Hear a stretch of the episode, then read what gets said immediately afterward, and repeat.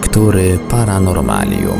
Dziś w lekturach Paranormalium sięgniemy do książki Tomasa Degina Księga Tajemnic 2, wydanej w 1992 roku. Jest to kontynuacja książki Księga Tajemnic i Rzeczy Niezwykłych, którą również prezentowaliśmy na naszej antenie. Ciekawie ujęty zbiór zagadkowych zdarzeń i rzeczy niezwykłych. Domy widma, studnia z nieznanego metalu, potwory z Akambaro, tajemnica ludzi w czerni, żywe dinozaury, nawiedzona plebania, niesamowite obiekty podwodne, elektryczny duch z Rosenheim oraz kilkadziesiąt innych niepokojących i tajemniczych faktów. Książkę na naszej antenie prezentujemy w odcinkach w całości. Cel Klinika w Arcachon. Autorytet głównego świadka dodaje wagi i wiarygodności tej niesamowitej historii. Jej prawdziwość zaświadcza bowiem dr Kino, należący do sławnej rodziny francuskich biologów. Miejsce? Klinika ortopedyczna w Arcachon. Klinika jest prowadzona od 25 lat przez doktora Kino. Zajmuje się ona głównie leczeniem gruźlicy kości. Czas wydarzeń od maja do września 1963 roku. Zajścia, bombardowanie kliniki kamieniami, kamiennymi łupkami, kawałkami cegieł oraz przedmiotami, których pochodzenie nie udało się określić, co jest nadzwyczaj interesujące. Ponad 300 takich przedmiotów wleciało do środka o różnych porach dnia i nocy.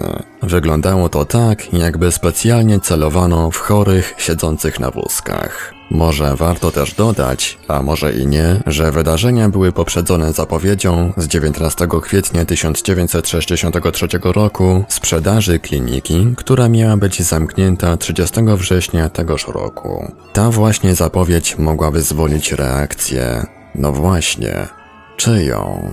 Kamienie były wymierzone najpierw w młodą kobietę, którą nazwiemy Angelina. Po wypisaniu jej z kliniki i przyjęciu 16 czerwca 17-letniej, powiedzmy Jacqueline, manifestacje wystąpiły jeszcze wyraźniej. Kamienie padały najczęściej pionowo, ich lot ukośny należał do rzadkości. Przelatywały przez koronę trzech platanów w szpitalnym parku. Miały niewielką szybkość lotu w porównaniu z prędkością, jaką powinny mieć, spadając z tej wysokości. Pewnego dnia doliczono się 48 pocisków, co było rekordem dziennym. Miejscowa policja po przyjęciu zażalenia z 28 sierpnia uznała zrazu doktora Kino za wariata, czym nie wystawiła sobie najlepszego świadectwa, gdyż wkrótce okazało się, że o żadnym oszustwie nie może być mowy. Począwszy od 1 września 1963 roku miotanie kamieni ustało. Wystąpiły natomiast inne zjawiska, a szczególnie stukanie w drzwi i uderzenia w bramę. Drzwi nagle same się otwierały, dopóki 4 września nie założono rygli. Doktor Kino w dobrej wierze postawił rozsądną hipotezę, że to jakiś maniak uzbrojony w katapultę strzela z odległości. Nigdy jednak nie odkryto żadnego takiego maniaka. Nie sprawdziło się też podejrzenie, że była to komedia zorganizowana przez chorych. Ci ostatni znajdowali się w takiej sytuacji, że pilnowali jedni drugich i komedia zostałaby zdemaskowana. Krok po kroku wykluczano wszystkie normalne wyjaśnienia i wówczas stało się jasne, że wchodzi w grę wyjaśnienie nienormalne. Kamienie, odłamki muru i kawałki cegieł nie pochodziły z murów i budynków kliniki, chociaż ta ostatnia była zniszczona. Musiały więc pochodzić skądinąd. Zakładając, że to miejsce, na przykład plac budowy, znajduje się w odległości jednego kilometra, trzeba dojść do wniosku, że kawałki cegieł z tego placu unoszą się w powietrze i przemierzają przestrzeń z szybkością raczej niewielką, a następnie docierają do kliniki. Wymaga to pewnej siły skierowanej przeciwko sile grawitacji. Siły tej mógłby dostarczyć układ nerwowy jednego czy kilku chorych, lub też, co wydaje się chyba bardziej prawdopodobne, może tu wchodzi w grę posłużenie się energią istniejącą w przyrodzie. Ale jak to się dzieje i na czym polega, tego nie wie nikt. Kiedyś w sierpniu jeden z chorych, policjant z Paryża, a więc świadek raczej wiarygodny, zauważył jak jeden z kamieni odchodził. Opuszczał pokój. Natychmiast pobiegli tam ludzie. Pokój był pusty, a drzwi zamknięte na klucz. Inny ciekawy przypadek. Jeden z chorych, na którego spadł grad odłamków, zaczął wrzeszczeć Dosyć! Czy ten dureń wreszcie przestanie? I to coś przestało by za pół godziny zacząć na nowo, ale już bardziej nieśmiało. Trudno uwierzyć, by tak mogło się przejawiać zjawisko czysto przyrodnicze. Zjawiska tego rodzaju są zbyt częste, żeby można je było wszystkie przypisać dowcipnisiom albo szaleńcom. Zdarzył się wprawdzie wypadek w Bordeaux, gdzie zatrzymano młodego szaleńca, który za pomocą procy obrzucał kamieniami całą dzielnicę. Istnieją również liczne przypadki szalonych strzelców, z których kilku zostało zatrzymanych. Lecz w przeważającej ilości wypadków loty kamieni, a często i brył lodu, nie mogą być obecnie naukowo wyjaśnione. Nie można także mówić o zbiorowych lub indywidualnych halucynacjach, ponieważ kamienie zostają po zakończeniu działań. Jacqueline, dziewczyna, z której obecnością powiązano owe manifestacje, nie wydawała się przestraszona, a nawet uważała za dość zabawne być przyczyną zjawiska, którego nikt z dorosłych nie potrafił wytłumaczyć. Co jednakże to wszystko znaczy? Tak jak w słynnym przypadku z Rosenheim, znajdujemy się w obliczu siły nieznanej nauce. Siły, która wydaje się przejawiać tak osobliwą zdolność jak świadomość. Siła ta wydawała się przyłączać do istoty ludzkiej, najpierw do Angeliny i w następnym wydarzeniu w klinice do Jacqueline. Owa siła wydaje się być wrażliwa na przejawy działania człowieka i nie objawia się już więcej, kiedy człowiek odchodzi. Następnie przyłącza się do innej osoby. Tak mogłoby zachowywać się zwierzę, na przykład ptak, chociaż nie jest znany przypadek tego rodzaju zachowania się ptaków. Znane są ptaki, które kradną błyszczące przedmioty, jak sroka, ale nie ptaki, które kogoś prześladują. A zresztą ptak zostałby dostrzeżony. A może, puśćmy w oce fantazji, istnieją wokół nas niewidzialne zwierzęta, potępione rzeczy, jak to określił Ambrose Bierce. Hipoteza dość śmiała, ale bez najmniejszej możliwości udowodnienia. W roku 1969 w Carcassonne człowiek będący obiektem obrzucania kamieniami przyszedł z workiem mąki i aparatem fotograficznym. W chwili, gdy zaczęły padać kamienie, wyrzucił w powietrze worek z mąką. Zrobił zdjęcie, które zostało zamieszczone we François. Pokazuje ono zarys jakiejś postaci. Nie jest ono zbytnio przekonujące. Można uważać, że zdjęcie jest autentyczne i że mąka faktycznie uwidoczniła niewidzialny zwykle przedmiot. Można także sądzić, że jest to oszustwo. Trudno też uwierzyć w wyjaśnienia spirytystyczne, widma, ektoplazmy i temu podobne, ponieważ w laboratoriach te demonstracje okazywały się często szachrajstwem i sztuczkami.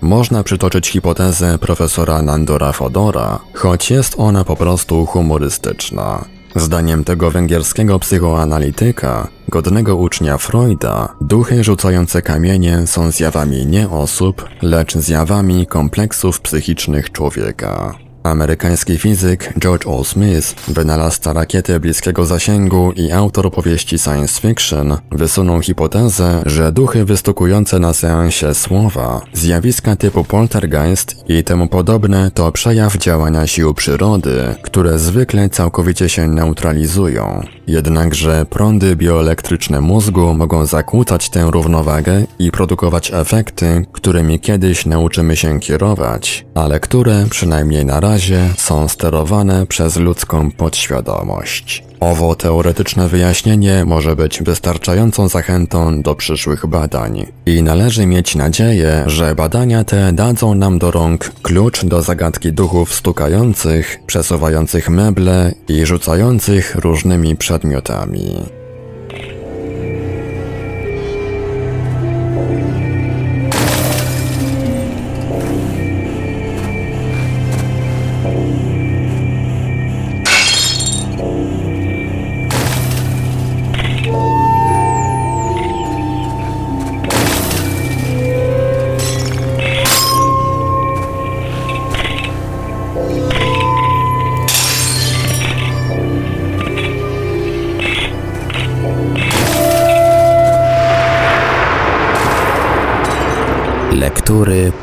Paranormalium. Elektryczny duch z Rosenheim.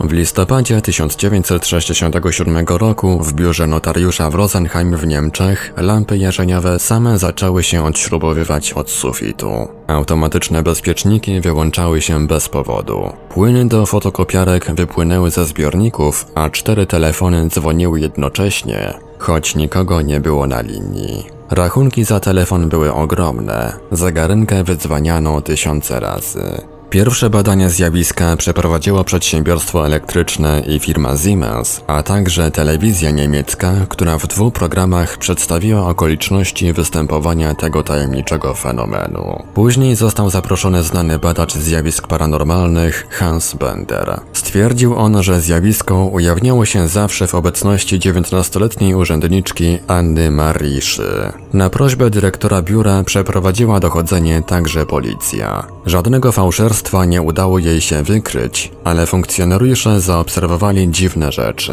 Na przykład obrócenie się o 320 stopni obrazu zawieszonego na ścianie. Lampy jarzeniowe zostały zastąpione przez lampy żarowe, które wybuchały. W obecności ekspertów szuflady same się wysuwały, a segregator ważący 165 kg odsunął się o 30 cm od ściany. Na skutek tych wszystkich wypadków panna Szy rozchorowała się i została odesłana do domu. Jednakże te same niesamowite zjawiska wystąpiły również w jej mieszkaniu. Zmieniła pracę. Zjawiska zaczęły występować w miejscu jej nowego zatrudnienia. Zainstalowane tam przyrządy pomiarowe wykazywały spadek i zniżki energii elektrycznej. Innym objawem było wywoływanie zegarynki 5 razy na minutę, choć nikt nie dotykał tarczy. Impulsy pojawiały się bezpośrednio na linii. Pewne pomiary dokonane na osobie panny Szy sugerowały, że zjawiska są być może związane z objawami nadciśnienia. Można sądzić, że nie miała ona żadnych złych zamiarów. Całe jej zachowanie wydaje się świadczyć, że raczej chciała pomóc swemu szefowi, w najwyższym już stopniu zaniepokojonemu. Chociaż otrzymała zwolnienie lekarskie, za każdym razem, kiedy ją proszono, zjawiała się w biurze, co pomogło ustalić dużą współzależność między występowaniem tajemniczej siły a jej obecnością.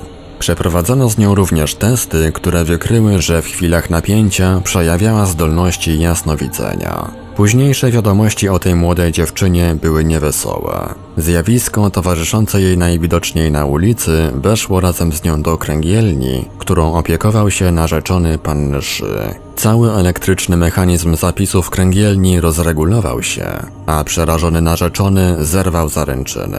Dziewczyna popadła w silną nerwicę i ponownie zachorowała. Dramat ten w każdym razie pokazuje, że panna Szy nie miała żadnego interesu w organizowaniu tych wybryków, nawet jeśli posiadała takie możliwości.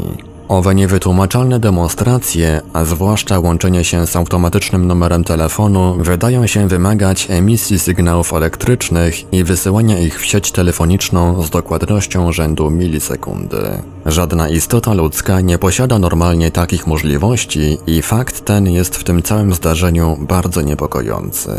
Badania przeprowadzone przez fizyków Kargera i Zishiego wykazały, że duch z Rosenheim może, jak się wydaje, poruszać wskazówką przyrządu pomiarowego, czego nie daje się wyjaśnić żadnymi normalnymi przyczynami. Zostały zbadane i wyeliminowane następujące potencjalne przyczyny. Pierwsza zmiany napięcia prądu w sieci. Mimo odchyleń aparatu rejestrującego napięcie pozostawało stałe.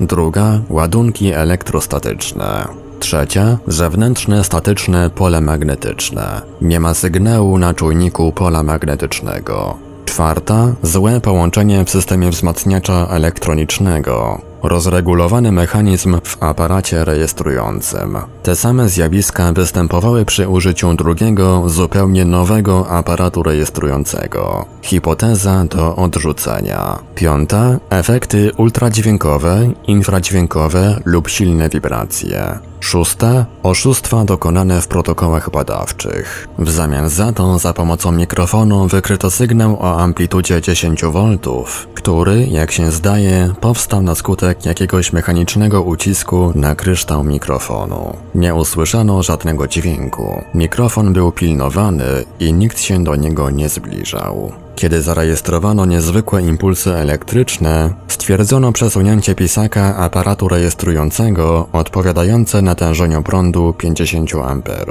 Żadne natężenie nie zostało wykryte. Wszystkie wykorzystane typy aparatów rejestrujących były standardowe i doskonale wyregulowane. Obrót obrazu na ścianie zarejestrowany został przez urządzenie typu Ampex Video, co jest chyba pierwszym przypadkiem nagrania na wideo skutków działania czegoś, co zwykło się nazywać duchem.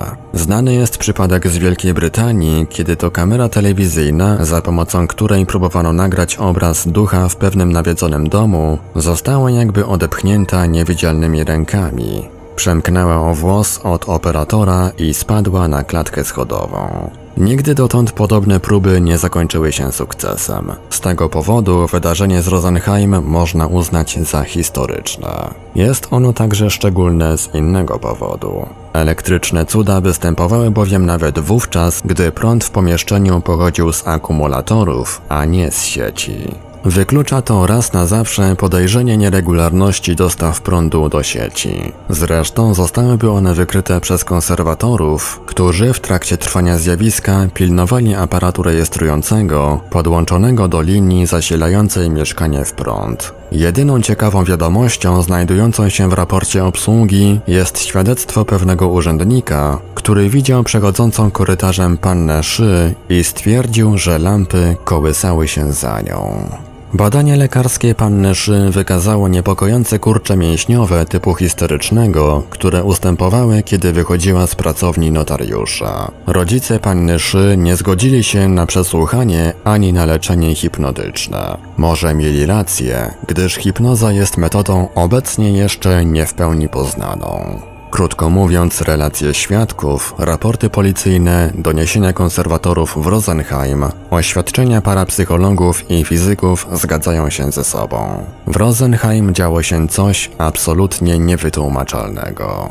Zjawiska te, określane terminem poltergeist, zdają się występować na całym świecie i we wszystkich epokach. Często są zależne od obecności młodych chłopców czy dziewcząt, ale nie zawsze. Angielski pisarz Arthur Machen, który przeprowadził liczne wywiady dla gazet, natrafił na wiele przypadków, kiedy to podobne zjawiska występowały niezależnie od obecności jakiegoś młodego człowieka.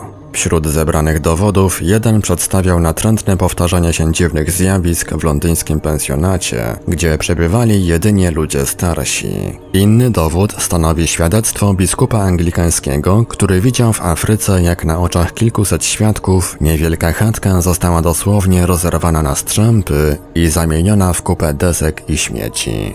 W chatce mieszkało stare małżeństwo, a żadnego młodzieńca nie było nawet w pobliżu. Przypadek z Rosenheim jest unikalny także z powodu jego powiązań z elektrycznością. Możliwe, że podobny związek wykryto by wcześniej, gdyby istniały już przyrządy do pomiarów elektrycznych. Pliniusz Starszy opisuje przypadek przypominający historię z Rosenheim, choć oczywiście nie dysponował on żadnym przyrządem do obserwacji zjawisk elektrycznych. Jeśli istnieje nieznana siła emanująca z ludzkiego umysłu i oddziałująca na materię, to może ona również wpływać na elektrony, prąd elektryczny, które przecież także są materialne, także oddziaływać na sprężynę tarczy telefonicznej lub na igłę przyrządu pomiarowego. Ale pozostają bez odpowiedzi pytania najważniejsze. Czym jest ta niepojęta siła? Czy jest ona martwa, podobnie jak siła przyciągania lub inne zjawiska przyrody, czy też kryje się za nią coś lub ktoś rozumnego? Doprawdy, świat pełen jest niezgłębionych tajemnic.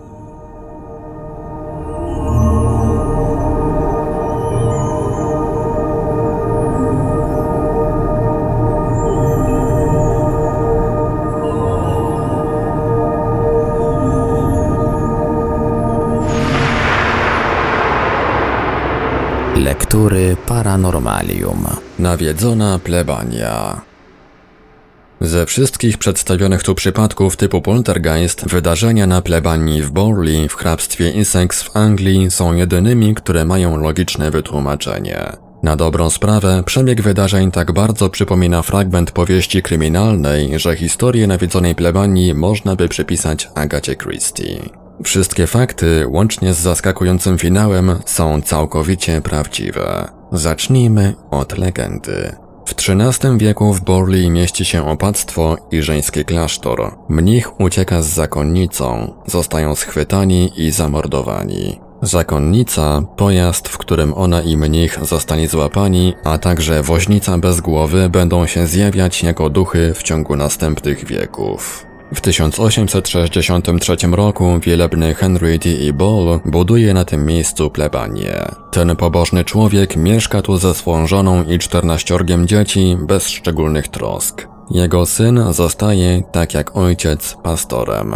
28 lipca 1900 roku ukazuje się duch zakonnicy, ale poza tym panuje spokój poprzedzający burzę. 2 października 1928 roku plebanie w Borley obejmuje wielebny Eric Smith.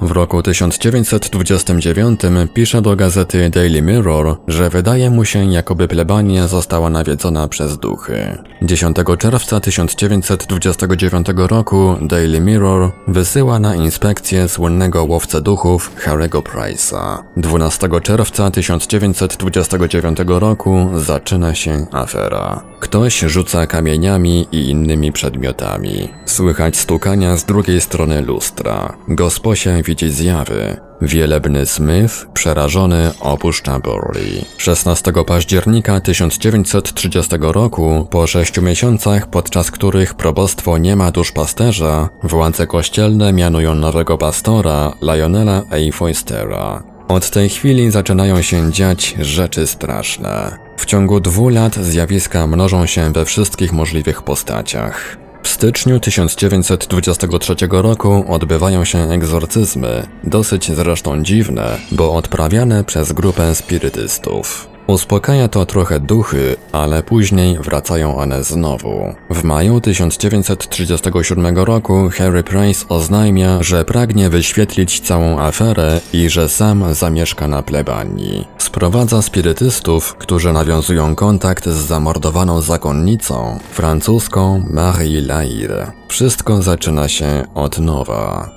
27 lutego 1939 roku o północy rozpętało się piekło. Nawiedzona plebania staje w płomieniach i spala się do gołej ziemi. Świadkowie pożaru widzą dziwne postaci, jakby nieludzkie, które chodzą pośród płomieni. Po tym spektakularnym finale zdarza się jeszcze kilka znaczących wypadków. W roku 1943 Price znajduje zakopany w ziemi szkielet ludzki, który rzekomo ma być szkieletem zakonnicy.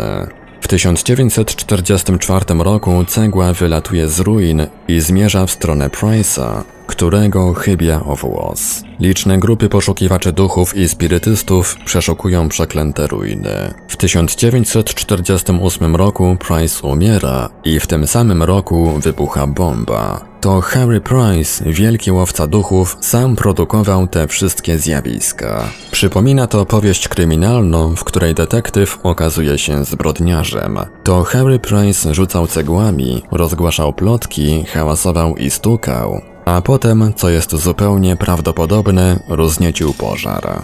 Price już od roku 1938 wiedział, że legenda o zakonnicy była bzdurą, skompilowaną na podstawie różnych XVI-wiecznych źródeł. Dostarczono mu na to formalnych dowodów, ale on dopilnował, żeby ich nie opublikowano. Znaleziono świadków, którzy widzieli jak stukał albo rzucał cegłami. Koniec legendy. Najdziwniejszy jest jednak sposób, w jaki legenda powstała. Price oczywiście wszystko rozpoczął, jednakże ludzie bardzo chcieli w to wierzyć i ich przemożne pragnienia mają w powstaniu legendy swój udział. W ciągu lat bezstronni świadkowie donosili o obecności licznych szczurów na plebanii w Borley. Nie zwrócono na to uwagi. Jeden z tych sceptycznych świadków, szofer autobusu wiozącego spirytystów, spłatał świetnego psikusa. Kiedy próbowano wywołać ducha wielebnego bóla, ukrył się w ciemnościach i zawołał gardłowym głosem. Wielebny ból umarł, a wy jesteście stuknięci. Incydent ten wydarzył się dużo później, kiedy legenda upadła, lecz dopiero książka Erika Dingwalla, Kathleen Goldney i Trevora Halla, nawiedzona przez duchy plebania w Borley z 1958 roku, ostatecznie ujawniła całą prawdę. W przypadku Borley chodzi jednocześnie o legendę, którą wszyscy upiększali, jak i o człowieka bez skrupułów, który odniósł z tego korzyści. Ukazało się wiele książek, reportaży, audycji telewizyjnych i radiowych. Jest też możliwe, że już przed Price'em różni blagierzy urządzali hece w Borley. Przebadano skrupulatnie przygody małych grup spirytystów i łowców duchów, które buszowały po Burley. W wielu przypadkach doskonale widać, jak rodzi się i rozprzestrzenia sugestia, co z punktu widzenia badań parapsychologicznych ma ogromne znaczenie. W aferze z Burley interesujący jest także fakt, jak łatwo można znaleźć ludzi gotowych uwierzyć w byle co. Wierzono, że marynarka pozostawiona przez robotnika, który przyszedł sprzątać mieszkanie, zjawiła się w Bolli w sposób paranormalny. Czterech świadków widziało, jak się materializowała. Po tym wszystkim trudno się dziwić, że widziano zjawy spacerujące pośród płomieni w czasie pożaru. Dziennik Suffolk Free Press podaje, że w roku 1942 zobaczono w Borley w biały dzień legendarny pojazd Widmo. W komplecie, wraz z pasażerami w strojach z tamtej epoki, jak składali wizyty na plebanii, a potem wzlatywali w przestworza i rozpadali się na kawałki, zaś poszczególne części ciała, koła i tak rozlatywały się na wszystkie strony. Pojawiają się również doniesienia o kobiecie, która zwiedzała Burley i której zerwano obrączkę z palca. Ludzie słyszeli, jak Diligence widmo przejeżdżał aleją. Ponad 30 osób słyszało dźwięki niewidocznych dzwonków w korytarzu, którego nie ma na planie plebanii. 27 kwietnia 1941 roku badacz spirytysta M. Croft zgubił ołówek w Burley. Jego zdaniem ten ołówek został porwany do innego świata. Inny badacz w roku 1947 zostawił swój nieprzemakalny płaszcz przy murze cmentarnym. W czasie jego nieobecności ktoś usiadł na nim. Zjawiało się też wielu świadków, którzy nie wiadomo co wiedzieli, ponieważ nie chcieli opowiadać bez opłaty, zresztą skromnej. Mówi się też o grupie studentów, którzy zorganizowali na trawniku ukazanie się ducha. Zostało to opisane szczegółowo w doniesieniach spirytystycznych. Zjawił się też pies widmo, ale został zastrzelony przez mieszkańców w roku 1952.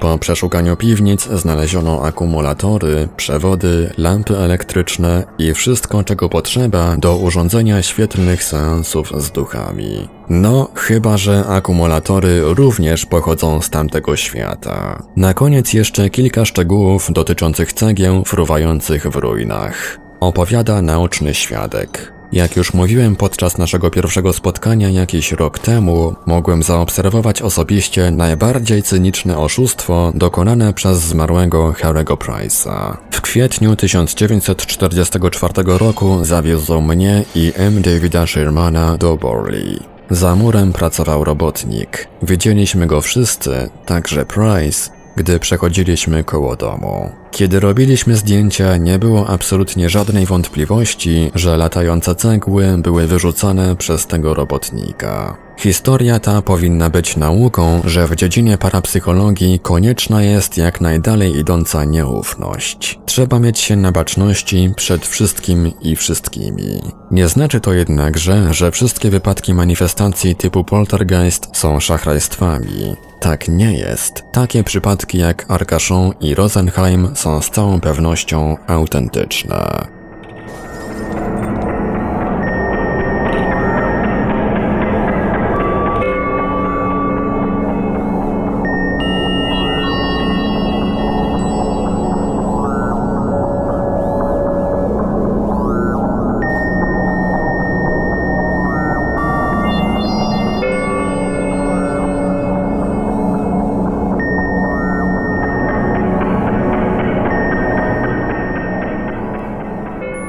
Radiu Paranormalium zaprezentowaliśmy fragment książki Tomasa Degina Księga Tajemnic 2. Dalszy ciąg w kolejnym odcinku Lektur Paranormalium.